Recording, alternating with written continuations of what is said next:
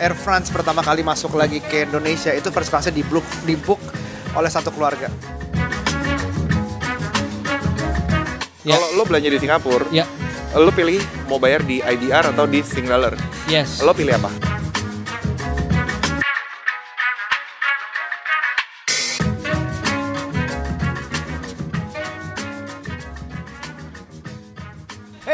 Welcome back to 30 Days of Lunch. Akhirnya gue bisa balik lagi setelah dicampakkan Ruby minggu lalu. Oh man, don't say that. You left Ruby, me. I know, sih I know. I heard, I heard the podcast. It was very good. You did it, you did it. Jadi gue masih boleh ngomong nggak di sini sekarang? Of course man, of course. Gua gua kayaknya lebih seneng walaupun banyak orang yang bilang mereka enjoy that episode, Hmm? ada yang bilang kayaknya berdua nggak segitu rame malah asik but I enjoy the company. Menurut gua gua lebih seneng kayak gitu and we gotta keep it fun, right? Ya, Ya. untuk untuk membalas minggu lalu yang cuma berdua, sekarang kita kasihnya biar kombonya pas berempat hari ini. Asik gak? Hari ini berempat, gak? yes. Eh, Rup, Dan lo kan udah stories tuh tentang we're bringing aviation gigs. gigs. weh. Jadi gue pengen ceri- pengen ulik lagi waktu itu lo travel ke empat negara yang cukup jauh-jauh jarak. Eh, lima. Sebentar. Cie, enggak, enggak. Oh, Oke fine. Sombong boleh. Lima negara Oke. dalam waktu berapa? Dua minggu. Ya, two and a half weeks. Two and a half weeks. It was very distant between those countries. Yes. Um, yang gue ingat adalah Slovenia, Brazil, Brazil, Mexico, US. US dua kota, US, eh, oh SFN iya New York. dua kota. Kan ngomongin terbang Baik, biar satu- kebayang. Satu lagi. Mm-mm. Satu lagi Bangkok ya? Bangkok ya Bangkok. Bangkok. Iya, Bangkok. Oke, itu itu itu jauh-jauh banget negaranya eh, berapa tuh? Berapa benua tuh? Tiga benua. Nah, itu untuk acaranya Netflix. menjadi apa itu waktu itu? Eh, waktu itu gue dipilih mewakili Asia untuk bikin konten buat restoran-restoran yang gue datengin. Ketemu sama Ah. chef-chef yang muncul di Chef's Table season 2. Salah satu program Netflix yang kulineri yang paling sukses ya sampai sekarang ya kalau So nggak salah far ya. sih, iya. Nah, itu em, kita juga beruntung banget Netflix bulan ini mulai banyak banget konten Indonesia Yes. dan salah Gua satunya nonton. film teman SD gue. Eh sih. Cie, The Night Comes For Us, uh, Yes. congrats uh, Dian untuk film barunya juga. Ya. Nonton secara online itu, nonton streaming on demand itu udah banyak banget karena internet yang semakin cepat. Yes. Salah satunya adalah Excel Home dengan menyediakan 300 megabit per second dengan harga cuma 300 ribu men. Wah, gokil. Lo, Gokil. lo dapat Android set top box, lo tinggal cari sendiri di lebihpau.com. Lebihpau.com. Boleh, boleh banget. Nah, back to that travel thing. Iya, iya. How was it traveling two and a half weeks untuk ke empat negara, lima destinations? Capek. Eh, lima negara.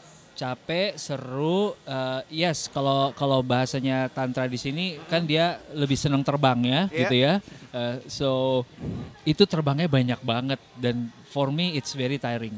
So, Gitu. so dari satu negara itu selalu pulang dulu ke Jakarta atau ada yang hopping dari? No, kita langsung connecting uh, to all the cities, all Wow, the nation, wow, countries. that's a yeah. lot of miles. Yes. We're here for the miles, right? We're here for the miles. Sayang banget gue waktu itu enggak ngumpulin miles. Nah, Gila, makanya itu, itu ribuan, puluhan ribu miles itu. Exactly dan itu itu beli tiketnya ya ya full full price tiket Full gitu fare. loh. Ya full fare Aduh. gitu. Ini yang Um, sebelah-sebelah kita nih udah gatal nih. Kenapa bisa nggak di-convert? Itu a lot of miles dari Asia ke Amerika, ke Eropa. Exactly, nah itulah itu 2016. Gue belum paham. Gue ngerasa tahun ini 2018 nggak bisa nggak. Gue harus paham. Gue pengen tahu dan gue datengin. Kita datengin dua expert. Menurut gue expert.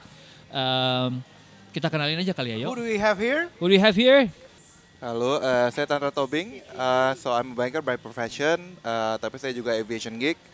So I like everything about aviation udah dari kecil, and I like flying. Flying excites me more than traveling itself, basically. Flying excites you more than traveling itself. Ini kayaknya yes. tagline yang dia tulis di kartu nama. Oh, gitu ya. Tantra Tobing, flying excites me more than traveling itself. Wah, gila. Karena biasanya, karena biasanya kalau gua browsing, kalau orang browsing kan misalnya, oke gua mau ke Jepang atau gua mau ke mana, and Mhm. then baru mereka abis itu search uh, airline-nya apa. Kalau gua kebalikan sih, airline-nya dulu, apalagi kalau misalnya gue lihat misalnya lagi ada harga yang oke gitu atau segala macem, atau misalnya kalau gue lagi mau redeem some miles, gue cari availability dulu, baru gue tahu pilih negaranya ke mana. Gitu. Wow. Oke, oke. Nah, Gue lebih ke situ sih, lebih excited. Tapi why? Boleh tahu why? Kenapa flyingnya excites you more than the traveling itself? Flying is uh, dan se- sensation aja ya. I mean like nge-browsing buat cari flightnya sendiri udah sensation. Hmm. Terus ke airportnya you just like the ambience gitu ngeliatin orang mondar mandir traveling ambience airportnya aja gitu dan cuma ngeliat yang board announcementnya itu atau terus ke airport lounge segala macam all aspect about it sih belum not to mention pas di dalam pesawat sensation pas landing sensation pas take off gitu Wow, ini ini some of the things yang kita forgo ya. Kayak Iya. kita udah terbang, take off dan segala macam udah jadi bosen aja gitu. Some of the things are people afraid of. Ya, Yes. ada betul, juga betul. yang takut bukan cuma takut terbang jatuh pesawatnya, tapi Yes. gue harus apa nih? Ke, ke gue cara booking pesawat gimana sampai cara mendarat mendarat terus imigrasi segala Ya, macam ya, all ya, relates ya, to ya. flying tuh ada beberapa yang bingung juga masih. Betul, Dia betul, betul. enjoy. Enjoy. Nah, our guest number four. Yes, number two dong. number two, oh, iya, iya, iya, iya. Iya, iya, iya. Gimana, kenalin diri dong. Um, ya, saya Dirk. Uh, mungkin ada beberapa yang tahu kalau saya uh, run sebuah Instagram account yang disebut Dirk Traveler. Dirk Traveler. I'm into probably all things aviation. Jadi mulai dari mungkin plane spotting, plane spotting itu aktivitas fotografi pesawat terbang. Pesawat. spotting. Jadi- Tadi gue jadi- pikir tuh plain spotting. Lu spot segala sesuatu yang gak ada segala. isinya. Plain aja. plane spotting. Gitu, Iya ya. iya iya iya. Jadi Terus- biasa pada saat pesawat mungkin lagi di lagi mau terba, lagi mau lepas landas atau baru mau mendarat itu kadang-kadang ada sekelompok orang yang nungguin di luar pagarnya airport. Oke. Ada tuh. Oke. Kadang ya, kadang sering disalahartikan they're doing something yang suspicious padahal itu cuma foto-foto pesawat Some aja really karena like memang airplanes in Iya, pesawatnya itu ya. mereka lebih senang. Ini ini juga sebuah kecintaan yang kayak tantra dari kecil gitu, Iya. lahir sendiri atau tiba-tiba wow karena sebuah event. Eh, mungkin lebih mungkin ya, hampir sama kayak Tantra ya dari kecil karena kalau mungkin mau ngasih sedikit background dulu Hmm. saya tuh eh, grow up itu di sebuah kota kecil di Kalimantan Timur. Oke. Jadi kalau Name it. Oh ya kotanya namanya Sangatta. I don't know if you have heard it before. Been I'm there. Sorry. Been there, oke. Tapi, eh, jadi kalau untuk terbang dari kota itu misalnya mau ke Jakarta, probably mungkin ada dua kali transit Yes. ke Singapura atau Hong Kong itu tiga atau empat sometimes. Wow. jadi oke. karena mungkin terbentuk pada saat itu kalau masih jadi pada saat masih kecil dan untuk ter- pergi dari kota kecil itu ke kayak Jakarta atau Surabaya jadi sering naik pesawat dan akhirnya mungkin jadi ya that's how fell in love with aviation dari ya. propeller sampai dari yang gitu ya. benar, udah. dari yang pesawat itu mungkin isinya dari yang paling kecil ke kota itu probably 18 orang Iya, iya. sampai yang naik yang pesawat yang juga 200 300 orang itu Feels part like private jet man, 18 orang. Iya. Ini ini It's just not a jet though. Iya iya iya iya iya. dan ini seru banget ya Eh, karena eh, guest kita satu lagi, cia. Surprise guest adalah Aryo Pratomo. Oh gitu ya.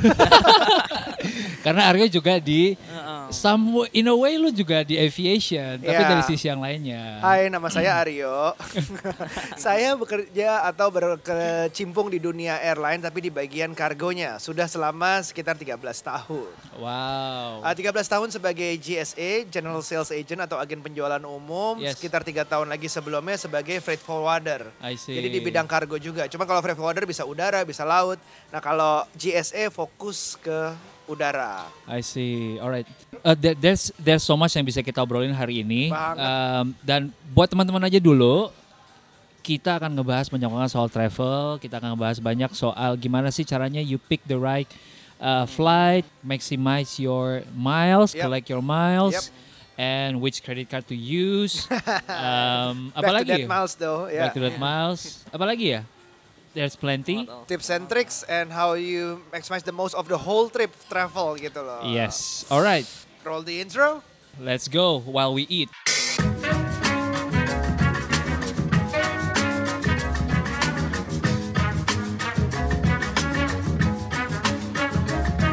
And we're back. Eh, gila, gue kenyang banget makannya yuk. Kita hari ini di AW Kitchen. Au. Nggak ada hubungannya sama fast food industry yang satu itu. Yes. Nggak ada hubungannya sama uh, selebgram yang sudah tidak selebgram lagi tapi bersosial di Palu. Bukan, Iya, tidak ada bukan, hubungannya. tidak ada hubungannya. Ini adalah Akira Watanabe. Yes. Bener nggak? I think so. so basically this a it's a Japanese Italian restaurant. Tadi makannya pasta yang menurut gue menarik banget. What's your favorite dish, Tantra? I think yang pakai mentaiko tadi ya, yang pakai apa, yang jamur tadi, it's very tasty Iya. sih. Iya, cold row. Uh, Cold roll. Maksudnya biasanya kan spaghetti as we know kan kadang suka plain rasanya, tapi Iya. ini like karena fusion jadi like very uh, Rich. tasty aja Hmm, hmm, hmm, hmm. rasanya. Aryo, Um, the same. I've been here to several times. Itu yang selalu gua pesen. Jadi ya um, Italian restaurant dengan Japanese ingredients. with the Ternyata ending works of well. with the ending of Jus Gandum. Iya. Eh. Oh. Uh, Dirk, Eh, kalau gua mungkin yang tadi tomato based yang apa tadi Rofi? Arabiata. Arabiata. Oke oke oke oke oke. I like I like the one yang apa tadi yang susah ditemuin di Pesto. Jakarta. Gnocchi. Gnocchi, gnocchi. Um, that was really good. Um, gue jarang dapetin gnocchi yang asik di Jakarta, and I think it's it's worth coming back just for that sih. You guys have to try it. Ini ada di Plaza Senayan atau di Peak Avenue Atau di PI Indonesia. juga ada atau kan di Plaza PI Indonesia. Indonesia. Yes, betul, yes, betul, yes. betul. Um, now back to traveling. Kita kan awalnya nih semua punya kecintaan yang hampir sama di aviation.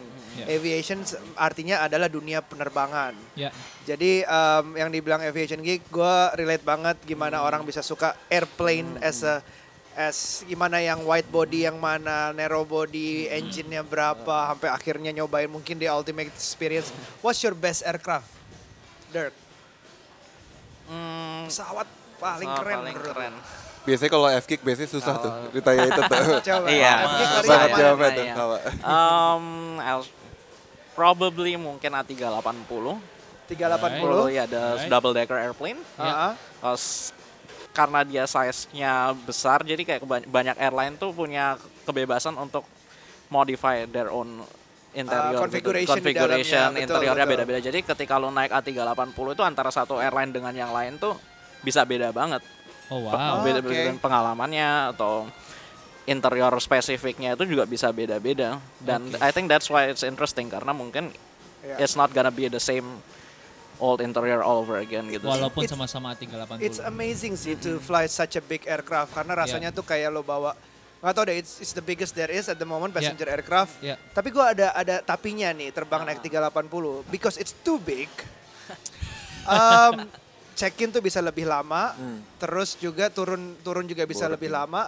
Plus imigrasi, apalagi di negara yang sebenarnya immigration sistemnya belum lancar, itu juga bisa lebih lama. Sekali turun tuh bisa berapa orang tuh? 400. 400, 500, ada yang 500 kan vibrasi. Ada yang kalau all ekonomi kayaknya ada ya. Iya, Gitu ya. kalau yang, yang semakin dikit ya. bisnis kelasnya, semakin dikit first classnya, ekonominya dibanyakin tuh bisa kalau nggak salah sampai Iya, segitu. iya, iya, Bayangin itu satu flight pesawat doang turun. Gimana kalau ada two 380s at the same time atau gimana gitu? Itu ngantrinya jadi banyak banget. Tapi it's amazing aircraft sih, gede banget. Kenapa dia? Kenapa dia? Gue lagi terpesona bahwa ternyata ngobrolin pesawat bisa seseru ini. Pesawatnya bisa gila sih, bisa bisa. Kalau pertama kali lihat dari luar, Gue gede banget nih pesawat. gue mundurin dikit ya, karena mungkin gue gua menganggap diri gue sangat awam di sini. Iya, iya. Dan gue padahal pengen tahu banget. Gimana sih dari sepintas aja gue bisa tahu this is Airbus, this is Boeing. Karena dua itu yang paling merajai lah ya. Hmm. Oke. Mungkin Tantra mungkin. Eh, you have a preference on air? Ya, aircraft? preference ya. Preference justru saya lebih suka aircraft-aircraft yang udah nggak dipakai sekarang. Oh, yang dulu-dulu oke. Hmm, 747, Airbus 340, Ya. DC-10, MD-11 Wow, itu menurut saya kayak shape-nya lebih lebih ini aja secara estetik ya. Kalau sekarang it's Oh. pretty much kayak hampir semuanya kan similar lah. Ya. Kayak lo aja tadi nanya apa eh, sama bedainnya aja nggak bisa gitu kan. Iya, Kalau iya, dulu iya. kan very distinct kan. Maksudnya I see. DC-10, MD-11, maksudnya kayak apa classic and vintage aja. Dulu kan kayak Garuda kan ada DC-10, MD-11 kan like very very Tapi itu nice udah gitu. beberapa yang yang nggak boleh terbang tuh 747 tuh nggak boleh diterima di 747. beberapa airports karena noise levelnya udah ketinggian. I Zaman see. dulu teknologinya kan masih Iya, jadul. oke. Jadi na- 70-an. soundnya gede banget di Oke. beberapa negara. Contohnya kalau nggak salah di Saudi di Jeddah itu udah nggak boleh pakai 747 mendarat. Jadi sekarang 747 jadi apa ya? Ditutup jadi restoran. ada ada ya di mana ya? Ada di negara mana gitu. Ada yang jadi hotel juga nih. I see. Iya, pesawat Oh. semakin dicari semakin yang hemat uh, bensin, Iya, hemat iya. hemat fuelnya segala macam karena ada yang ada yang serinya itu yang bikin lebih naik lagi 700, 800, 900 terus ada ER extended range segala macam. Oke. Jadi menarik. menarik Oke, banget oke. karena hitungannya ngaruh banget nanti berapa orang di dalam plus I berapa see. berat kargonya. Oke oke. oke. Like Maybe not to geek first, oke.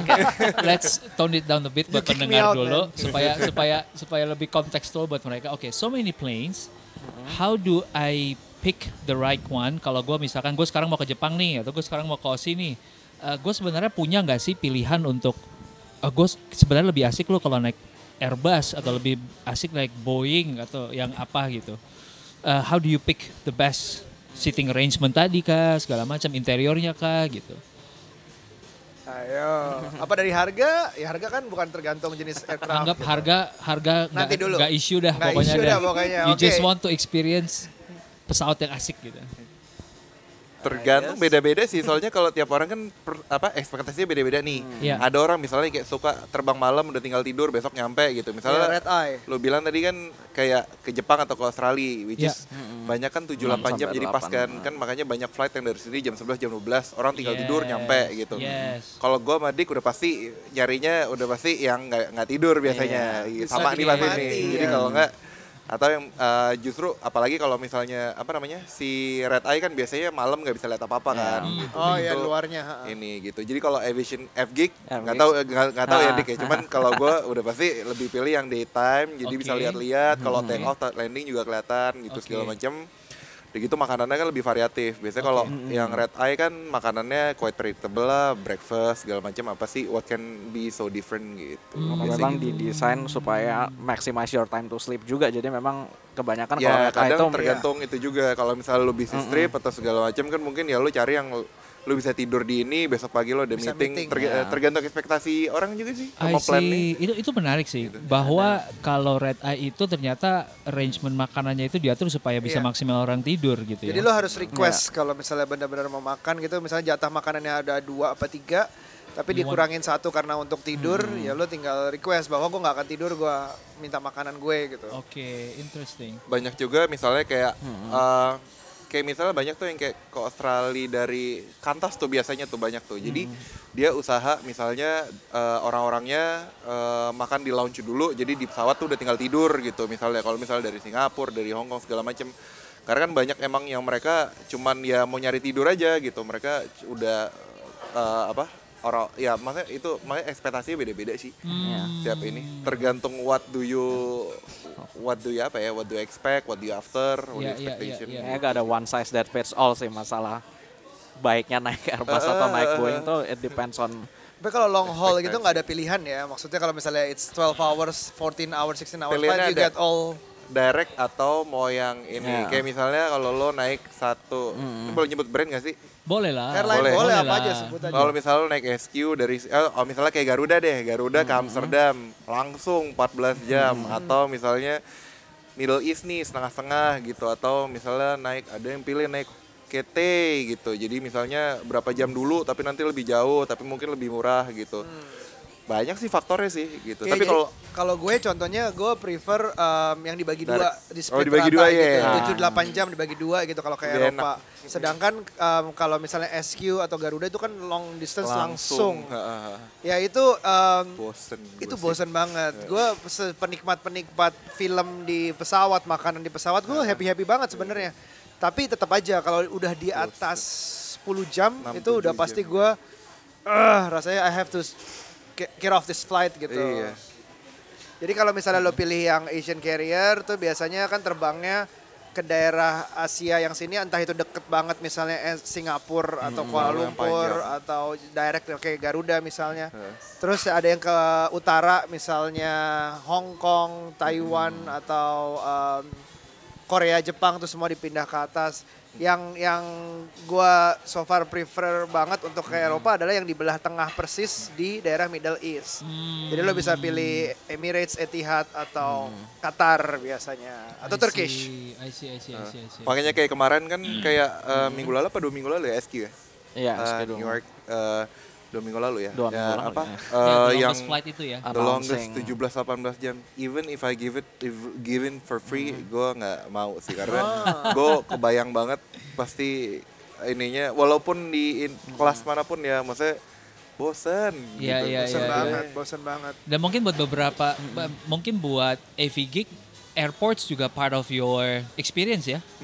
Kalau transit ya kayaknya ya. Kalau iya, transit iya. tuh kerasa banget pentingnya kalau kita mungkin transit di atas berapa? 2-3 jam airport transit itu bagi gue jadi cukup cukup penting sih. Jadi lo bisa ngapain? Ya. Em, apa kadang-kadang gue udah tahu gue ada lima jam sebenarnya bisa keluar di negara-negara Ya, yang ya, boleh ya, pakai ya. eh, nggak pakai visa misalnya. Tapi gue tetap pilih di airport karena banyak banget di airport yang bisa dieksplor. Salah satu airport terbaik menurut gue justru yang lumayan deket ini Singapura tuh salah satu yang terbaik menurut gue Yes, yes, yes, yes, yes. Oke, um, I think gue mau langsung jump into the banyak yang pertanyaan yang paling banyak masuk adalah gimana caranya gue maximize satu accumulating miles. Bagaimana sih cara mulainya? Karena begitu banyak opsi di luar sana untuk cara ngumpulin miles. Uh, ada yang lewat credit card, ada lagi yang kalau lu hotel juga sebenarnya bisa bisa Iya, convert bisa, gitu bisa. kan. Kalau collecting miles sebenarnya baru rame di Indonesia kayaknya baru 2013, 2014 Ya. gitu kayaknya. Mulai kayak bermunculan kayak kartu, Kartu travel kredit card ya? segala macem. Kayak 2010 ke sini which is like very common di US apa di Europe segala macem. Tapi kalau misalnya di Indonesia kayaknya masih belum belum belum lumayan aktif lah. Jadi kayaknya waktu itu kayak barengan 2013-2014 lagi rame-rame travel fair, lagi banyak bank juga yang eh, ngeluarin eh, travel card segala macem. Jadi competing each other tuh mereka kasih yang paling ini segala macem. Zaman itu pun kayak kebetulan gua waktu itu dulu pernah eh, emang eh, handle juga apa namanya em, travel card lah gitu. Jadi waktu pas pembukaan itu we're having difficulties. Jadi kita kasih misalnya satu kalau buka satu kartu 15.000 ribu orang Indonesia waktu zaman itu buset 15.000 ribu dipakai apa ya? Nggak ada yang tahu gitu. Kalau sekarang kan orang 15.000 ribu ya tau lah pakai Jakarta Singapura gitu contohnya atau segala macam zaman dulu tuh 15.000 ribu miles tuh orang kayak kita tuh have to rework the communication karena orang nggak ngerti ke call center. 15.000 ribu tuh apa ya? Dapat apa ya? Gitu segala macam kayak back then tuh orang masih belum inilah gitu. Ya orang Tapi- tahunya 15 ribu tiket time zone sih. Tiket time zone. atau kembalian gitu 15 ribu. Kembalian, 15.000. gitu. Jadi semenjak itu kayaknya terus orang Indonesia juga kayaknya makin apa namanya makin ini buat tickled buat apa namanya explore lebih jauh. Ada social media segala macam banyak reference lah banyak blog-blog segala macam karena Indonesia kayaknya jadi lebih ini traveling jadi eventually mereka juga belajar tentang miles tapi miles tuh emang lagi ramenya kayaknya ya dua tahun ini kali ya. Yang benar-benar rame banget ya. Benar-benar kayak Iya, setahun kan Iya. airlines kan berapa kali Iya. iya, iya. apa travel fair semua semua bikin travel fair. Semua agent semua airline semua mall tourism board semuanya kayaknya dua tahun tiga Iya, tahun ini kan. udah- kalau udah travel fair tuh ramenya wow Dulu kan- makin gila banget. Nah, dulu kan cuma Garuda doang SQ gitu. Jadi orang makin kayak belajar juga nih mas. Terus mereka ngeliat juga banyak reference gitu misalnya hmm, hmm. eh banyak kan mungkin di blog kali ya banyak kan kayak si Gue follow ini, The Points Guy. The Point Points Guy, Guy itu sama paling itu Sam tuh Cui. Sam Cui Iya. tapi So, kalau how do you start? I mean maksudnya lo mau travel dulu terus apply for miles atau lo kalau bisa mulai dengan tanpa traveling misalnya dengan apply kartu kredit yang lo udah siap alliance mana atau which the best way to start, you know? Iya, iya, iya. Satu udah pasti pilih uh, know your ini sih know your priority. Maksudnya kayak ada orang misalnya uh, mau setahun misalnya lu beda dong. Lu kalau misalnya lu mau aiming liburan sekeluarga ke Paris empat uh, empat orang naik first class gitu. Sama misalnya lo mau naik tiket Garuda ekonomi berdua sama pacar lo atau sama your spouse ke Bali. Jadi orang kan prioritasnya macam-macam. Ya. Know your priority and be realistic aja Oke. gitu. Priority dan kayak behaviornya ke depannya patternnya akan sering ngapain Iya gitu ya dong, dengan iya dong. itu ya. Jadi know your your goal dulu sih, pengennya apa sih gitu, see. your realistic gitu. Oke, Sama- to be practical. Kalau gua pengen yang pertama. First class ke lo mau Paris. first class Exactly, ke Paris. exactly. lo tau nggak penerbangan penerbangan pertama Jakarta uh, Air France pertama kali masuk lagi ke Indonesia itu first classnya di book di book oleh satu keluarga. Gue Oh, nggak usah ya? jawab siapa ya. Oke. Oh ya. Maksud keluarga Pratomo kan maksud lu? Bukan dong, gila. Gila gila. Kargo di belakang kan kalau itu kan. Gue class di kargo, gak ada AC gitu. Oke, kalau gue pengen yang pertama itu kayak gimana? Eh, nanti gue akan menentu ini re- nggak realistis nih buat gue nih. gitu kan. Oke, gue yang kedua aja gitu. Let's start with that. Kalau itu biasanya digabung ke di di relate ke spending sih. And then like uh, mi- kalau misalnya lo uh, ke satu misalnya tadi first class ke Paris, lu tahu dong misalnya bank ini, bank ini, bank ini kan udah banyak website yang banding-bandingin lah. Ini bisa 5.000, 7.000, 10.000. Nah, lu bisa convert misalnya lu tahu lu butuh berapa nih spendingnya gitu. Eh, Lima ribu itu per miles ya. lima ribu Ru- rupiah, rupiah spending per satu miles, miles, gitu. terus- Rata-rata sekarang lima ribu sampai sepuluh ribu sih. Kayaknya nggak Oke, ada yang oke. di bawah atau di atas itu. Dan sih. itu bisa 10.000, dihitung balik 10.000. untuk dapetin first class gue butuh berapa berapa miles Iya, ya tergantung sama dengan berapa kan. spending. Betul Oke. gitu. Realistis apa enggak gitu Oke. kalau rating. Buat first class average-nya itu berapa sih milesnya? Wah, tergantung distance juga. Jaraknya ke mana terbangnya? Oke. Ke Paris tadi. Eh. Oh, iya iya iya Paris tadi dong, Paris tadi dong. Kalau kalau Paris ya, Paris berapa? Dua ratus ribu. Rata-rata iya sih itu. Class. Oke. First Dua ratus ribu ribu miles, and then satu miles itu ya? lima ribu. Gue biasanya gue gue biasanya redeem gue yang deket-deket sih. Jadi kalau yang deket-deket gue apal deh. Tapi Oke, kalau yang Coba gak apa-apa yang deket-deket aja. yang deket-deket misalnya kayak eh, Manila, Hong Kong gitu Ya. kan sekitar 75 ribuan Ya. gitu. Kalau misalnya kayak Shanghai, Beijing sekitar 100 ribu Oke. gitu. Contohnya Oke. kayak gitu. Jadi maksudnya kalau gua aim gua adalah gue pengen karena gue doyan traveling ya menurut gue frekuensi lebih penting sih. Jadi gue mendingan yang dekat-dekat daripada yang jauh gue redeem. Kalau yang jauh gue mungkin bisa redeemnya cuman lebih jarang kan I see. gitu. Karena Ya makanya know your priority aja I gitu. see. Alright. Nah kalau Nah. case yang kedua mau ke Ke Bali sama Nah, Garuda. itu adalah prioritas eh, alliance-nya yang lo mau redeem. Karena kan kalau Oke. misalnya lo emang aim buat yang penerbangan nasional ya udah pasti Garuda dong gitu Yes. atau ini. Nah, sebenarnya ada lagi sih BIG. BIG juga lumayan sih. BIG Air Asia Hmm. gitu. Itu beberapa bank juga udah mulai bisa nukerin ke situ juga sih. Hmm, hmm. Dan conversionnya by the way lebih murah. I see. Alright, Oh. alright. Jadi Gua ini udah, ini udah sedikit menjawab nih. Kalau lu mau yang domestik, ya udah lu you go with a specific airline aja. Lu Iya, cari credit card yang ada kerjasama dengan airline itu. Udah. Betul. Betul, Exactly. betul. Oke, Misalnya kita sebut aja ya, kalau Ya. gue ada juga uh, frequent flyers di apa miles di Garuda. Ya. Jadi Garuda itu bagian dari Sky Sky ya. Team, Sky Dari Sky Team itu juga dilihat hotel-hotel apa atau merchant-merchant apa yang menjadi bagian dari correct me if I'm wrong nih. Uh, dari bagian dari Sky Team itu. Jadi setiap kali lo spend di merchant itu, entah itu hotel, entah itu restoran mungkin atau attraction, you accumulate miles. Jadi untuk dimengerti listeners bahwa nggak semua harus terbang. Miles itu Hmm. didapatkan. Bisa didapatkan dengan spending, dengan kartu yang Nah. tepat, atau di tempat yang tepat. Hmm. Gitu. Tempat yang terbagi dari da- masuk dalam alia- uh, aliansinya, termasuk dalam listnya itulah. Oke, ngomongin aliansi sedikit ke Dirk. Can you share with us aliansi itu apa sih gitu? Kebagi dua ya kalau nggak salah ya. Tiga. Tiga, actually. oke, tiga. Sekarang Apa ada kayak ada One World, ada Sky Team, sama ada yang Star Alliance. Oke. Jadi sebagian besar airline di dunia itu sekarang grouping jadi salah satu dari tiga alliance tadi. Jadi Nggak mungkin ada yang sendiri ya, besar sendiri gitu kayaknya enggak ya. besar sendiri ada, sih. Emirates, Emirates. Oh, Emirates Itu besar sendiri ya. Emirates. Iya, iya benar benar benar. Kayaknya Terus terus terlalu besar. alliance itu gimana? Does it Um? Jadi basically karena dengan adanya alliance itu jadi airline tuh bisa saling kerja sama ya satu sama lain selama mereka dalam alliance yang sama. Jadi instead of satu airline terbang ke seluruh kota di dunia, dia bisa minta kerjasama dengan partner dari alliance-nya itu. Jadi misalnya kalau mungkin dari Jak- dari Jakarta ke London gitu kan, mungkin Garuda nggak harus jualin seluruhnya, tapi instead mereka bisa kerjasama dengan airline lain dari Jakarta ke Singapura, oke Garuda, terus Garuda menjual tiket airline B dari Singapura ke London. I see. All made possible dengan satu alliance Oke, oke, oke. Iya, jadi da- dalam sebuah airline itu ada yang namanya kerjasama ya. kalau nggak salah SPA sama co-share macam-macam. Apa Jadi tuh? uh, sales Nah. rate agreement sama co-share. Jadi kalau misalnya paling sering orang pakai itu mungkin misalnya Garuda kerjasamanya sama Korean Air. Ya, Jadi Ya. gabungan ke Amerika itu flight lanjutan dari Koreanya itu pakai Korean Air. dari Iya. sini ke Korea sih Ah, eh, nah. Garuda. Pakai Garuda. Jadi kerjasamanya itu um, ge- apa co-share namanya. Dijual dalam satu tiket yang sama. Dijual biasanya. dalam satu tiket yang sama dan masuk aliansi yang sama dan milesnya jadi satu aja lo nggak masalah lo mau naik airline lo orang Garuda atau punya miles Garuda atau lo punya miles Korean Air itu terakumulasi Bisa juga. dipakai. Tapi Oke. sedikit beda ya perhitungannya ya.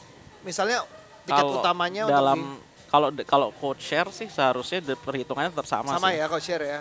Dan iya sih keuntungan utamanya dia dalam satu tiket yang sama sih. Even though kelihatannya simple tapi kayaknya itu cukup efek secara convenience Iya. juga bakal terefek kalau dia tiketnya beda-beda kan. Menarik, menarik, menarik. Kita kembali ke kita kembali ke collecting miles ya. Monggo. Em, kembali ke kartu kredit. Em, Kartu kredit kunci ya. kartu kredit dikunci. Jadi gua gua pakai kartu kredit CIMB. Right, which is gua lagi buka satu website nih. Ini websitenya temannya Aryo nih. Apa itu? Siapa? Eh, Loyal Hackers.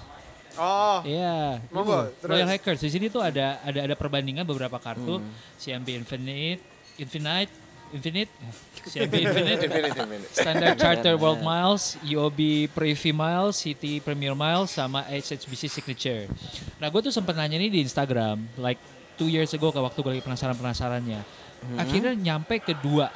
Orang tuh selalu bilang Standard Chartered or City Premier Miles. Ada yang bilang City Premier Miles itu eh, waktu redeemnya jauh lebih mudah karena nggak ditanyain macem-macem, kayak nggak diribetin dan pilihan airlinesnya lebih banyak dan lebih sering yang kita pakai, yang common kita pakai. Tapi gue juga baru dapat info tadi barusan eh, kalau CMB Infinite juga cukup menarik gitu. Eh, mungkin Tantra nih bisa bisa kasih insights sedikit. Oke, eh, apa namanya? Ya itu tadi ada beberapa yang pertama sih udah pasti knowing your priority dulu gitu. Apa eh, mau ditukarnya itu kapan? Terus Ya. misalnya disesuaikan sama your spending, of course. Ya. Spending udah pasti semuanya harus dimasukin semua, mulai dari bill telepon, bill air, bayar sekolah anak. Karena bayar sekolah anak kalau misalnya gue denger, kenapa? gede itu banyak iya gede gitu. Itu Cicilan lo mobil udah bisa bisa, hampir dapet at least mungkin satu flight ke Singapura kali gitu ini kan. Misalnya apa? eh, uang sekolah, terus eh, beberapa entrepreneur yang gue tahu juga itu mereka eh, dapatnya emang banyaknya dari spending bisnisnya Expense mereka kantor. gitu. Bahkan zaman gue dulu waktu gue di bank yang sebelumnya itu ada satu customer tuh yang bisa sampai mm-an yang eh, ininya per bulan. Jadi dia udah bener-bener tiap traveling ya udah dia traveling dari situ gitu dari, Dari situnya. Bener-bener pengeluaran pabriknya, listrik pabrik segala macem, terus expense pabriknya buat beli material segala macem itu masuk ke contohnya ya gitu. Itu sih udah ada beberapa ya. orang banyak banget itu makin makin ke sini orang makin educate makin situ karena kan Yes. sekarang kan semuanya makin cashless kan. Itu Dan sebenarnya itu juga. win-win. Bank saya juga happy toh. Iya, iya. Ya bank saya happy kan dapat ininya juga. Exactly. Itu juara sih. Jadi uh, lo punya bisnis, gue bikin peraturan. Pokoknya terbang harus pakai airline ini. Pokoknya Dia yang di hotel harus di sini. Kantor yang bayar. Kalau mau semua Pakai, karyawan eh, harus gitu. Dan, dan dia yang punya company-nya, Skoskaria dia dong. company, Iya, iya, iya. Banyak Nanti yang gitu. Gue yang pakai. Iya, iya, iya, iya, iya. And it's Gitu. actually fair, maksud gua. Ya, itu kan in a way itu menghemat Gitu. expense. Exactly. Iya, dan kalau lo nggak suka ya keluar aja dari company itu ya kan. Kayak dia yang punya kok Kan yang gitu punya. kan. Suka-suka dia. Betul, betul, Gitu. betul, betul. Anyway, eh, balik ke tadi. Kalau itu Ya. kan dari akumulasi poinnya segala Ya. macam. Yang kedua yang banyak orang overlook tuh yang tadi kita bahas juga sebelum ini adalah dari forex. Forex Hmm. itu kalau buat bank itu bisa ba- as low as di bawah satu persen sampai 7 persen. Ini margin yang didapat kalau kita Eh, transaksi iya, di luar iya, iya. negeri. Jadi kalau misalnya lo belanja di Singapura gitu. Oh, ada satu tip juga. Kadang kalau gue tanya lo ya, Ya. kalau lo belanja di Singapura, Ya. lo pilih eh, kan dapat dua ini tuh. Biasanya kalau di mana-mana kan lo mau, bayar di IDR atau di Sing dollar. Yes. Lo pilih apa? Eh, I don't know. I'll- IDR? Eh, lo biasanya IDR. Iya. It cost you lebih mahal Oh, oke.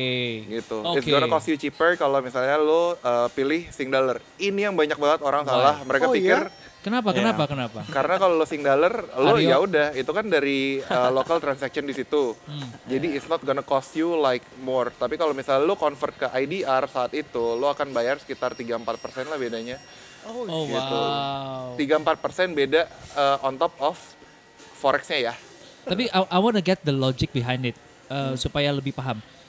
Apakah karena kalau gue minta convert ke IDR, dia convert convert hari itu. Kalau gue minta Eh. SGD, dia convertnya nanti waktu tanggal Oh penagihan. bukan, bukan, bukan, karena itu. It's not that. Tapi kan kalau lo EDC di situ itu EDC uh, ininya Singapura Oke. gitu. Jadi kalau it's dia it kehitung buat dia itu transaksi lokal kalau misalnya lo pilih Sing dollar. Oke. Kalau lo IDR, then they have to pay admin fee lagi untuk kayak some kind of untuk nge-convert ya, Ya, itu ya, me- ininya bank lah Ya, ininya ya, ya, gitu. ya, Tapi ya. lo kalau sing lo karena transaksi Enggak, jadi nggak cuma sing dollar ya. Pokoknya lo belanja di luar, lo kalau dikasih pakai mata uang lokal.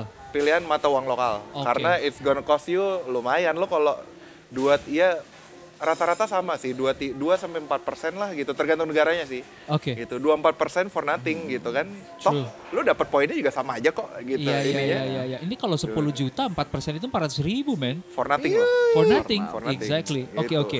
Bahkan eh, yang gue bilang tadi kalau forex ada perbandingannya beberapa bank charge as low as nggak ada yang 0% udah pasti sih. Eh, eh sorry, ada 0% beberapa bank tapi biasanya kayak cuman untuk tactical doang lah. Promo eh, ini apa? Seasonal tertentu Lagi gitu. promo, lagi apa gitu ya. Lagi seasonal mereka lagi mau narik orang-orang untuk belanja ke memfamiliarize themselves untuk belanja di luar. Habis itu dinaikin lagi Ah, gitu. Nggak oke. mungkin selamanya karena itu like potential revenue for bank. One thing yang gue tambahin dikit, some uh, bank juga uh, bisa charge sampai 7% which is for nothing karena satu bank yang sama mungkin mileage-nya lu nggak terlalu beda jauh tapi lu yang satu di bawah satu persen satu tujuh persen gitu maksudnya maksudnya uh, harus dihitung truly sih gitu karena lu percuma lu pengen aim segitu tapi it's gonna, lu malah bocor gitu lu malah jebol I'm so glad we get it on record. Jadi basically yang dengerin ini bisa kayak ngulang lagi. Ini apa ngomong apa tadi coba gimana gimana gimana. Jadi harus ditulis, harus dibayangin. Jadi sebenarnya benefitnya ini banyak banget. Banyak gitu. banget, banyak banget. Dan uh, itu baru poin kedua ya. I read somewhere in banget. your Instagram post kalau jangan ke distract sama bonus-bonus yang kayak lounge lah, kayak Starbucks Iya. lah gitu. Why? Why? Tell us why. maksudnya you only have one spending dong lu punya seratus ribu punya satu juta ya udah satu spending gitu kan Hmm. lu kalau misal lu break ah gue mau pakai kartu ini deh karena diskon ini ya lu kapan nyampe nya gitu ya kan Oh. makin lama nyampe nya dong Lebih baik lu fokusin duit yang lu punya untuk collecting the miles. Kalau lo emang mau goal. mas, you cannot have everything lah. Lu mau, misalnya lu mau terbang gratis, lu mau Yes. nonton gratis. Yes. Kecuali kalau lo spend lo uh, ya gede banget gitu yang bisa cover itu. Tapi kalau misalnya kayak uh, orang ini uh, apa maksudnya keba- kebanyakan gitu. Maksudnya kan pengeluaran apa uh, income dan pengeluaran segala macam kan udah ke keatur gitu kan. Ya. Ya nggak usah banyak maunya gitu. Ya lo uh, decide Just be- yourself. Lo mau nonton gratis, lo mau makan dapat diskon atau lo mau nggak bakal ada bang di seluruh dunia yang bisa satisfy lo untuk semua itu Iya, in iya. one card. Ya, there is Gitu. no one card to rule them all gitu ya. Iya, gitu. Lord of the Cards. Lo mau travel gratis ya fokus there. Lo mau ini jangan dipisah-pisah sih. Kalau nggak lo akan makin lama nyampe nya. Oke, jadi tapi sebenarnya pilihan ya. Kalau gua nggak ma- masalah dengan lama, ya udah gitu kan. Ya makanya tadi Heh. eh, tergantung lo Iya. Aimnya mau apa sih. mau apa? Betul, Mau betul. ke Bali tahun depan, bulan depan, minggu depan juga bisa. gitu. It's, it's like it's like. Iya, iya, iya. I'm imagining that you have to sit down, dengerin podcast ini, terus take notes, terus uh, abis itu Hitung-hitung. lo bandingin uh, airline-airline miles cara ngitungnya gimana, bandingin banks cara charge-nya gimana dan dan rewardnya berapa, hmm. and it's actually you're ready to be a miles geek. What do you call it? Points under. Mas Gig. Miles collector. Miles collector. Oke, jadi what you're proposing adalah should we should we try to get into details and come up that one card yang menurut kita the closest to rule them all? Um, nah, well, it's just it's just let them let them at least know where to start. Eh, lagian nggak fair juga karena kan tiap orang juga ininya Tujuannya beda-beda beda. nih. Beda. Ya, ya, Apa? ya, ya. Kondisinya beda-beda nih. Betul, Iya iya iya iya iya. Dan menurut gua there's a lot of resources out there. Maksud gua dengan satu keyword saja tadi gua langsung ketemu halaman Loyal Hackers ini eh, itu very readily available sih. Dan mungkin ada site lain yang mau direkomendasikan? Eh, kalau di Lawyer Hackers kebetulan I'm also contributor there gitu. Jadi ada beberapa sebenarnya yang kita masukin. Jadi it's it's backed by orang-orang yang emang like uh, really really inspire ini sebenarnya inspired by one block the the points guy. Jadi kebetulan all the creators juga used to live there. Jadi mereka juga udah main miles tuh dari zaman sebelum people are getting familiar with the miles. Jadi emang mereka tuh jago-jago inilah gitu. Jadi eh, banyak kontributor untuk kasih apa namanya konten how do you collect miles, how do you collect eh, select the airlines. Pokoknya banyak juga travel-travel tips juga di situ Hmm, gitu. Dan oke. Lawyer Hackers ini juga working and supported by uh, almost all airlines yang operate di Indonesia gitu. Jadi uh, getting like all the promo dan segala macam tuh uh, cepat gitu. I see. I Kayak see. contoh yang baru kita masuk kemarin yang mungkin banyak orang belum tahu juga adalah Garuda lagi jual Jakarta Bali first class for uh, 12 million. Gitu. First class for 12 Berdua. million. Berdua. 12 million for two. Uh, Ah, oke. gitu. Itu baru keluar berapa hari yang lalu dan kita dapat langsung dari yang buat campaignnya langsung. Contohnya gitu. Jadi Ah. Fast lah diupdate di blog itu, for instance. So, um, that's on Miles ya. Ya. Gue pengen tahu um, dari Aviation Geek yang satunya ini juga, how do we maximize the flight itself? Yes. Jadi, jadi those tips and tricks. Kalau gue sama lu, Rup, are you an aisle guy or a window guy? I'm always an aisle guy. Why? Pipis. Because yes, gua nggak bisa men. Gua Jawab. gua butuh. If I need to go, I need to go now. I don't want to wait for the guy next to me wake up from the sleep. Terus gue juga orangnya gak enakan. But you lost the view. I don't care about the view. I care about convenience. Tergantung berapa jam juga kali ya. Depends ya. ya gue itu. gua kalau bikin vlog Uh-uh. dan itunya pendek, I wanna get the take off uh, shot. thing. I Uh. do the window. Tapi kalau misalnya gue long flight, itu gue udah pasti preferable adalah Aisle. Gila ngangkah-ngangkahin kalau orangnya gede sebelah gue, exactly. gak enak banget men. Iya, Apalagi iya. dia tidur. Iya, iya. Tapi as a courtesy, gue walaupun gue di aisle, gue jarang banget tidur. Dan gue pas pertama kali duduk, gue selalu bilang ke orang sebelah gue kalau gue gak kenal, hey, kalau lo mau ke mana-mana, ganggu gue aja even though gue lagi tidur. I'm okay. Gitu. Oke. Karena menurut gue, ya gue gangguin jalan lo gitu kan. Dan, Yeah. dan sebagai orang di sini, ya udah nggak apa-apa gangguin gue aja gitu. Dirk, what about But you? Do you have any Hmm? tips for us for To tra- maximize- to maximize the flight? The flight itself. Hmm, I guess starting from Getting the best seat. Carrier best seat. Yeah, actually airlines actually some some airlines actually do sell ada extra legroom seat. Jadi itu kayak especially kalau di ekonomi itu sangat-sangat bermanfaat buat especially buat gue ya. Karena kadang ada beberapa airline yang memang jarak antara satu kursi dengan yang lain itu memang terbilang main sempit gitu. Oke. Kurang Apalagi manusiawi. kurang Iya, manusiawi. Semakin budget dan- airline biasanya nah, semakin manfaat semakin banget budget, tuh. iya. Kayak lu Dan- bump into each other elbow terus Iya. gitu. ya. Iya, apalagi kalau penerbangannya jadi lumayan lama, probably it will be a torture mungkin Iya. bagi beberapa Yes, orang. yes. How do Some- we get uh, that? uh, jadi mungkin kalau ketika lu book flight abis kan udah udah masukin nama, udah udah bayar gitu, kadang airline langsung menawarkan apakah lu mau duduk di extra legroom seat itu. Sometimes some airline itu bisa nawarnya mungkin cuma 200 atau 300 ribu lebih dari harga tiket dibanding lu harus splurge all the way untuk business class Hmm. atau kelas di atasnya lagi gitu kan. Jadi Uh, syarat pentingnya adalah Jadi ngelakuin syarat- web check-in ya udah pasti ya. Syarat yang Sama untuk paling penting ya beberapanya web check-in. saat beli tiket itu bisa pilih, kalau nggak bisa coba lagi di web check-in Mm-mm. untuk untuk pastiin lo dapet seat yang mana. Kalau waktu beli itu belum boleh. Ya. Terus be there early Iya, Ya. be there early. untuk even pilih tempat juga kalau lo dapet kalau dari gue juga kadang lebih prefer tuh bo- board early. board Uh, early. board early I gitu. see. Kalau ya. board So, early, karena sa- Naro koper duluan. Naro koper duluan. Jadi kalau koper kadang kan sekarang kan juga airline tuh makin lama banyak banyak yang nge-charge juga untuk bagasi ya. Ya, Hmm. ya. Jadi ke- I mean udah jadi rahasia umum bahwa banyak semakin banyak orang traveling itu ketika dihadapkan dengan situasi seperti itu mereka lebih condong bawa ba- semakin banyak barang dalam carry on instead of checking luggage.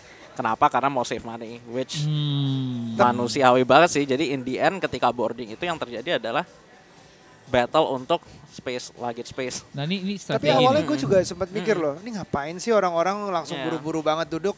Nggak akan ditinggalin juga gue Iya. ada di sini gitu. Ternyata berebut space untuk bagasi yang di atas. Ya, actually I Yes. learned that the hard way sih. Oh, karena awalnya sempat- karena awalnya gue juga pernah pernah seperti itu kan. Jadi gue merasa kayak Indian lu board pertama atau enggak.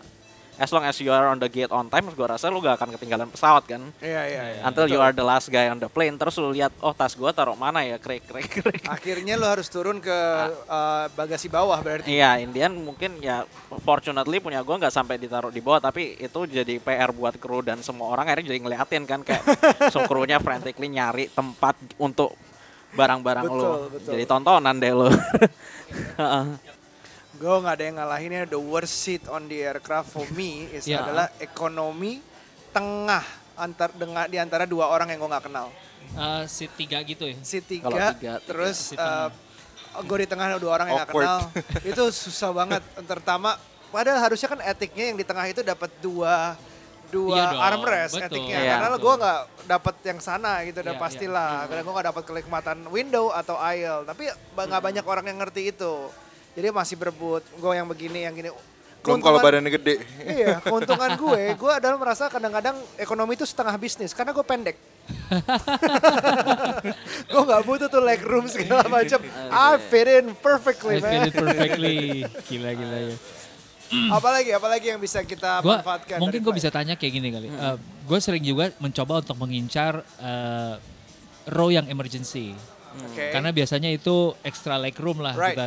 Kadang-kadang tanpa gue harus nambah apa pun gitu kan. Is there a specific way untuk lo minta atau request itu? Hmm, I do that sometimes sih. Yeah. Artinya ketika check-in ya it's a harmless question. Mungkin gak akan selalu dapat, tapi kadang juga lo bisa dapat. Karena kan emergency row itu juga memang ada persyaratannya untuk orang duduk di situ. Oh oke oke. Persyaratan itu biasanya apa ya? Ken? So biasanya itu mau nggak mau orangnya pasti harus able bodied. Dia nggak ada disability Betul. atau dia bukan anak kecil Betul. atau ada uh, orang hamil atau lagi dalam kondisi penyakit tertentu yang dia akhirnya dia nggak mungkin untuk buka pintu itu in an emergency. Iya, So as long as pintu. Iya iya. you iya. guys meet the criteria ketika lu datang ke check-in desk, wah, kenapa nggak nanya? Tapi sometimes juga memang di beberapa airline juga kursi-kursi seperti itu sih udah di reserve juga ya kadang untuk orang yang frequent flyer-nya itu udah mencapai level tertentu karena itu kan I sebagai bentuk artinya penghargaan juga buat orang-orang yang sudah terbang dengan airline Oh, gitu. tersebut I see. Oke oke, I didn't know dan that. dia Oke oke oke. Jadi kalau lo frequent flyer, Aryo Misalnya mungkin kalau di Garuda, lo punya apa. kemungkinan lebih besar lah untuk ngedapetin itu. Iya. Oke, gue pernah tuh naik Air Asia eh, Jakarta Jepang, tapi menurut gue itu salah satu flight yang gue sangat enjoy Kenapa? karena gue dapat ke bagian kursi belakang, eh, pesawatnya gede sehingga nyaman, Eh, nggak kayak kalau Air Asia yang internasional tapi dekat gitu ya. Oke. Eh, terus gue dapat row belakang yang cuma dua Ah. gitu kursinya. Jadi nggak ada tengah. Nggak ada tengah, exactly nggak ada tengah. Cuma gue dan sebelah gue dan sebelah gue itu pramugarinya Air Asia yang Oh, lagi gitu. belajar, Uh, which makes the trip even more interesting. Oke. Oke, Oke. gue mau ngomong apa ya? Bahas pramugari kayaknya Itu ini. banyak banget nih komentar. Silver lining, two seats, nggak ada nggak nggak nggak di tengah tuh enak banget menurut gue. Dan Iya, lo iya, iya. kirinya tuh kayak lega banget jadinya kiri kanannya. Anyway, Anyway, ini ini ini ngomongin uh, flying. There's a question for you tentang uh, Tandra gi- tentang how do you manage fear of flying? nah pas banget nih dessert nyampe nih, dessert nyampe, dessert Ini nyampe. mango ice cream nih enak banget. Dis- displaynya juga menarik banget tempatnya. Kita kita masuk ke pertanyaan Aryo yang ter- yang kita lewatkan tadi ya. Menurut gua topik yang menarik banget sih, but it's very good untuk dibawa di end. Ya, lagi-lagi gue mikir kita um, kita ngomongin tentang terbang, cara cara cara cara maximize your flights dan cara maximize your miles. Tapi before that, untuk orang-orang yang ada beberapa yang memang ya kita semua pasti pernah ngalamin momen di mana kita takut terbang atau takut jatuh di saat terbang, bukan terbangnya ya mungkin ya. Those accidents happen um, on air aircraft sebenarnya kalau jumlahnya katanya lebih sedikit daripada accidents happen on the road. Hmm. Tapi sekali jatuh itu kayaknya tuh serem Beritanya. banget beritanya tuh Iya, apalagi ada iya, sekarang iya, yang iya. sampai sekarang belum ketemu aircraftnya. iya, iya. Banyak banget berita-beritanya. Nah, you guys you travel a lot. Uh, you remember go back to the very first time you fly. Takut nggak dan gimana cara ngatasinnya? Sampai sekarang jadi biasa banget. Eh, kalau gue sih emang gue suka sih ya. Jadi makanya gue bilang tadi salah satu sensasi gue kenapa gue lebih suka flying karena lebih justru adalah sensasi take off, sensasi landing, sensasi lihat keluar. Which is kalau misalnya buat orang yang fear of flying itu udah kayak jantungan kali Iya, ngeliat betul. gituan ngerasain goyang dikit aja. Gue pernah lah berapa kali eh, duduk deketan sama orang yang ini udah teriak-teriak segala macem ya dia teriak-teriak satu pesawat jadi jadi ikutan panik dong padahal Iya, cuma iya. take off biasa gitu ini kan segala macem tapi biasanya cabin crew tuh biasanya udah very very well trained untuk eh, ini in apa namanya untuk nge-serve eh, customer kayak gitulah karena mereka is part of the training biasanya biasanya tuh dikasih minuman anget sama cabin crew segala macem tapi kalau ditanya gimana cara ngatisnya there's no easy way sih kayak eh, biasanya kebanyakan orang eh, ininya adalah minum obat eh, tidur apa segala macam atau obat yang bikin ngantuk deh gitu. Sebelum take Tapi off bahkan ya yang ngambil tapi ya. habis take off, padahal yang ngerinya pas take off ya kan Iya, gitu. Nah, jadi there's no easy way sih gitu. Kalau kalau misalnya itu it's just like you have to eh, apa ya? Ya berdoa ya sebelum ini ya. It's like, Betul, like ini kan. satu cara. Kayak ada satu seleb kan yang kalau misalnya ini Instagramnya sambil berdoa diinin kan gitu. ya you know which one lah. Tapi tadi balik ke yang sleeping pills itu sebenarnya uh, banyak ada juga yang minumnya sebelum berangkat kar- eh, sebelum take off karena takut Bahaya. take offnya. Tapi ada bahayanya juga yaitu Um, sebenarnya harus alert ya kalau ada Uh, apa-apa. biasanya justru uh, cabin crew kalau misalnya emang bener biasanya justru pada harus dibangunin sih karena kan peraturan internasionalnya kan emang harus uh, awake, Harus uh, awake. maksudnya, uh, sadar lah gitu ininya. Mm. Padahal enak banget tuh kalau belum take off berang. Kalau udah capek Ya. banget gue pernah tuh sebelum take Eh. off udah tidur, nyampe, uh, udah mendarat, udah nyampe. Itu enak banget rasanya terbang cuma Jakarta Surabaya misalnya. Anyway, kalau lo gimana Dek? Um, iya sih kalau kalau dari gua mungkin artinya kalau fear of flying sampai takut banget itu sebetulnya nggak I think nggak pernah ada karena memang suka ya kan dengan terbang walaupun memang nggak nggak bisa ditutupin bahwa kita mungkin sebagai manusia sometimes juga affected dengan kalau misalnya ada berita pesawat jatuh itu pasti sih. Artinya namanya dengan coverage media yang segitu banyak ketika lu naik pesawat di waktu-waktu seperti itu juga kadang artinya ada sedikit terbawa suasana juga ya kayak oh ini kira-kira nggak apa-apa ya tapi karena mungkin seneng once airnya udah di dalam pintu ditutup dan airnya malah take off dan terbang tuh kayak ya udah airnya lupa lagi kayak excited juga see, I see. tapi mungkin gua malah build on confidence tuh di mana malah akhir ini mungkin agak apa ya artinya unorthodox tapi tapi gue malah akhirnya nonton film yang namanya Air Crash Investigation tuh adalah TV series yang discussing tentang Sama. pesawat kecelakaan pesawat terbang even though memang artinya di itu pembahasannya lumayan detail bahkan ada kayak mungkin artinya animasi tentang bagaimana kejadiannya. Tapi kadang kalau kita nonton acara kita nonton acara itu dan melihat apa pelajaran yang udah diambil setelah seluruh kejadian itu sih Indian malah akhirnya build on on confidence bahwa oh berarti dari tahun sekian hingga saat ini kita itu sudah lebih baik. Jauh lebih baik, jauh lebih baik. and that means berarti air travel pun secara keseluruhan juga hari ini pasti jauh lebih baik. And itu juga didukung oleh beberapa statistik yang ada juga kan bahwa memang it's much safer dibanding naik mobil.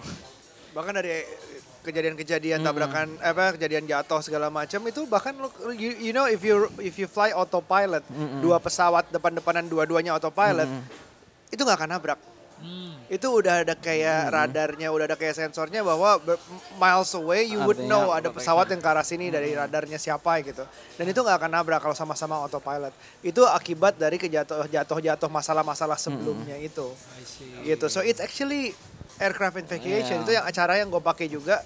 Waktu gue susah banget mau terbang ya nggak banget ya. Tapi kerasa lah ketakutan mau terbangnya Iya. gitu. I watch that. I see what's the worst can happen dan selalu dari akibat dari tiga faktor entah itu human error um, machine atau weather Hmm. itu dua dari tiga kejadian itu bisa jadi fatal Ya. tapi kalau misalnya satu doang itu masih ada full proofnya gitu loh. Somehow itu bisa diselamatkan. Kalau kayak contoh Adam Air waktu jatuh berapa puluh tahun silam itu um, dia karena tiga-tiga faktornya. Wow. Mainten- uh, mesinnya nggak di maintain, weathernya jelek banget dan ada sedikit human errornya juga. I see. Jadi, dan di aircraft investigations itu ada animasinya bahwa dia saat jatuh menukik itu sempat ada cracknya di udara sebelum Iya, iya, bahkan iya, iya, iya. impact.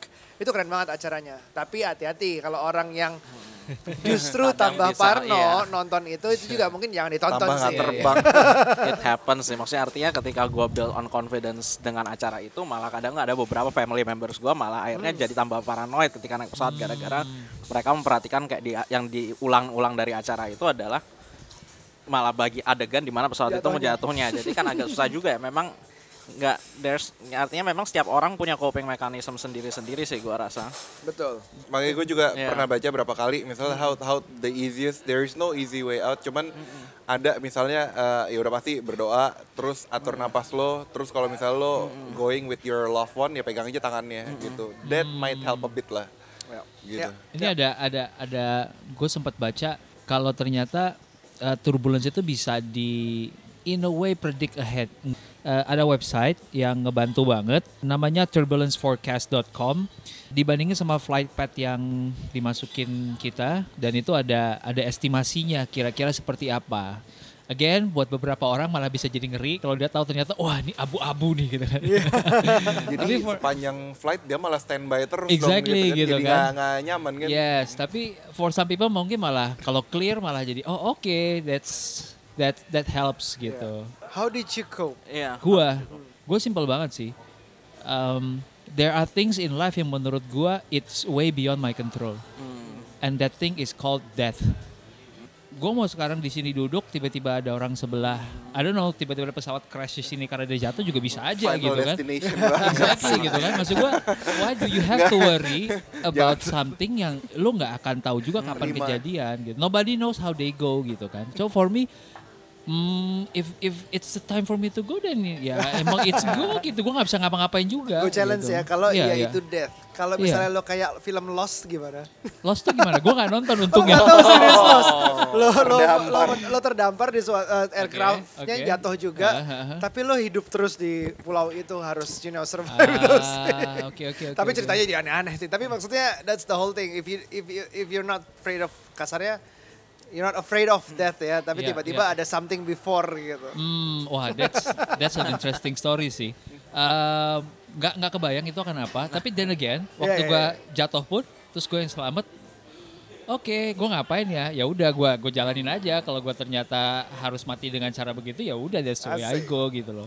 Maksud gue, there is no point of worrying about something yang you have no control in the Iya, first place iya, gitu. Abis ini lo nonton Lost ya? Atau Cast Iya, Away deh, coba Cast nonton. Away. Ya, Castaway gue nonton sih. Anyways, Anyway, this has been Anyways. great ya. It has been great, uh, terutama buat gue yang udah sangat looking forward to this, udah lama banget pengen ngedalamin. Uh, gue sekarang udah tahu kira-kira goals gue apa. Uh, apakah mau ke Paris atau mau ke Bali tadi? Oh iya, oke. Terus cara gue untuk mencapai ke sana. Uh, dan first thing first, kayaknya besok langsung ada policy sih di company gue. Semua transaction harus pakai kartu kredit gue. Cuma Miles Hunter, Miles. Hunter. Kalau lu ya gimana ya? Ah, I'm just excited karena um, gue nggak banyak ya teman ngobrol di aviation industry kecuali ya emang business partners atau koleganya gitu loh ngomonginnya Iya, iya. adalah tapi kargo itu kalau ke sehari-hari itu ha- handlingnya agak beda sama passenger. Kalau kargo di offload, nggak ada yang marah-marah kotak-kotak kardus itu marah-marah ke gue. Tapi kalau passenger itu dramanya lebih banyak. Kalau di offload, kalau di upgrade segala macam ada yang usaha datang pas-pasan, ada yang berusaha di upgrade, ada yang macam-macam drama. Flight itu lucu-lucu banget sampai gue pernah ngalamin yang pesawat delay karena ada yang sakit terus diturunin lagi di pesawat. Harus macam-macam lah. Itu eh, dunia aviation tuh seru banget dari terbangnya, dari aircraftnya. Yang gue baru belajar hari ini lebih banyak adalah collecting miles, which I've never done that deep gitu. Iya, Bahkan iya, iya. kadang-kadang gue udah lupa nomor kartunya, tapi hari ini belajar banget sih. Hari ini belajar banget. And I thank you guys so much for Yes. being here. Yes. It's thank a you, it's thank a learning phase yang gila banget nih. Iya, Beda iya, lagi iya. dari 30 days of lunch ya. Ya, ya, ya. Gitu. Jadi ya keren banget. You guys have anything to add? Eh, kalau gue sih kayaknya sejam ini nggak cukup. Ya, gue sih masih pengen lagi ya. Cuman ya considering time and everything, mungkin kita ada follow up sessions after this. We don't know. Ya, you guys wanna add anything? Iya, sebenarnya tadi yang kita omongin baru sebagian kecil banget sih. Itu kita sama sekali masih belum touch apa namanya in flight-nya. Misalnya kayak airline apa, Iya, dada, iya, iya, iya, pesawat, service, even even a simple like uniform atau like all the all the small Stewardess. details lah. Cik, gitu. Stewardess udah dibahas dikit sih tadi ya. Tadi, sempat. Ruby aja itu. Tapi satu session sendiri juga bisa kayaknya. tuh ya. gitu. Alright, Dirk? Itu sih banyak. Hmm, iya sih, I mean kalau lu bicara tentang aviation tuh, I think when you have four F gig together, kayaknya nggak akan pernah ada habisnya sih. Oh, iya. Even for Yes. one ada yang hour, two hours. Yes, yes, yes. Tapi anyway sih kalau dari gue sih, th- thank you for having me here. Thank you, thank you, Thank thank, you. you. I hope it's been insightful. Yes, kalau teman-teman di sini yang ngedengerin dan kalian ngerasa eh, menemukan ketertarikan yang sama juga di dunia aviation and you guys want to hear more seperti kata Tantra tadi masih banyak belum dibahas, let us know. Bisa ke account Instagramnya at Tantra Tobing, at Dirk Traveler, at Shegario, di Instagram gue nggak ngomongin aviation sih. aviation tapi kargo. Mau tahu di gua at Alexandro or you guys can email us at 30 days of lunch at gmail.com. Uh, thank you guys for listening. Hope you guys learned something and see you at the next lunch. Bye now.